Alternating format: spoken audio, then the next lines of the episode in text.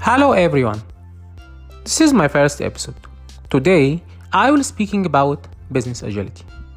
Before going to agile world and executive agile world, we need to understand first what does it mean by business agility.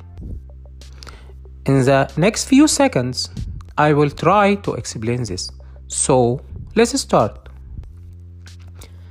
The term business agility has been identified in business and in papers, I mean management papers, since 1993.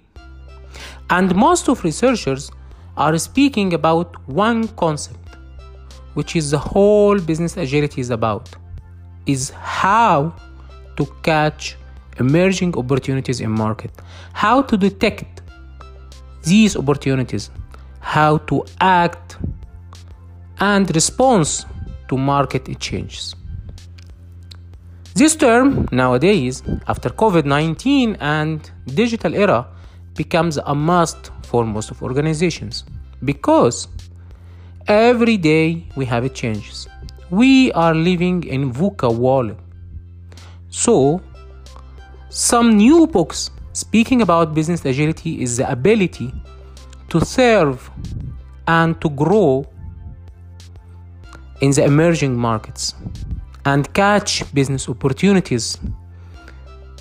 That means that organizations has this kind of ability to sense the danger in market and respond quickly before others.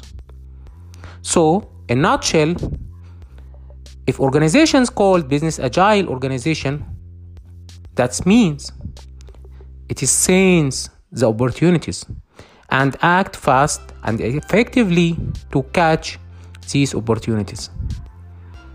This is Fadi Ismail. Thank you.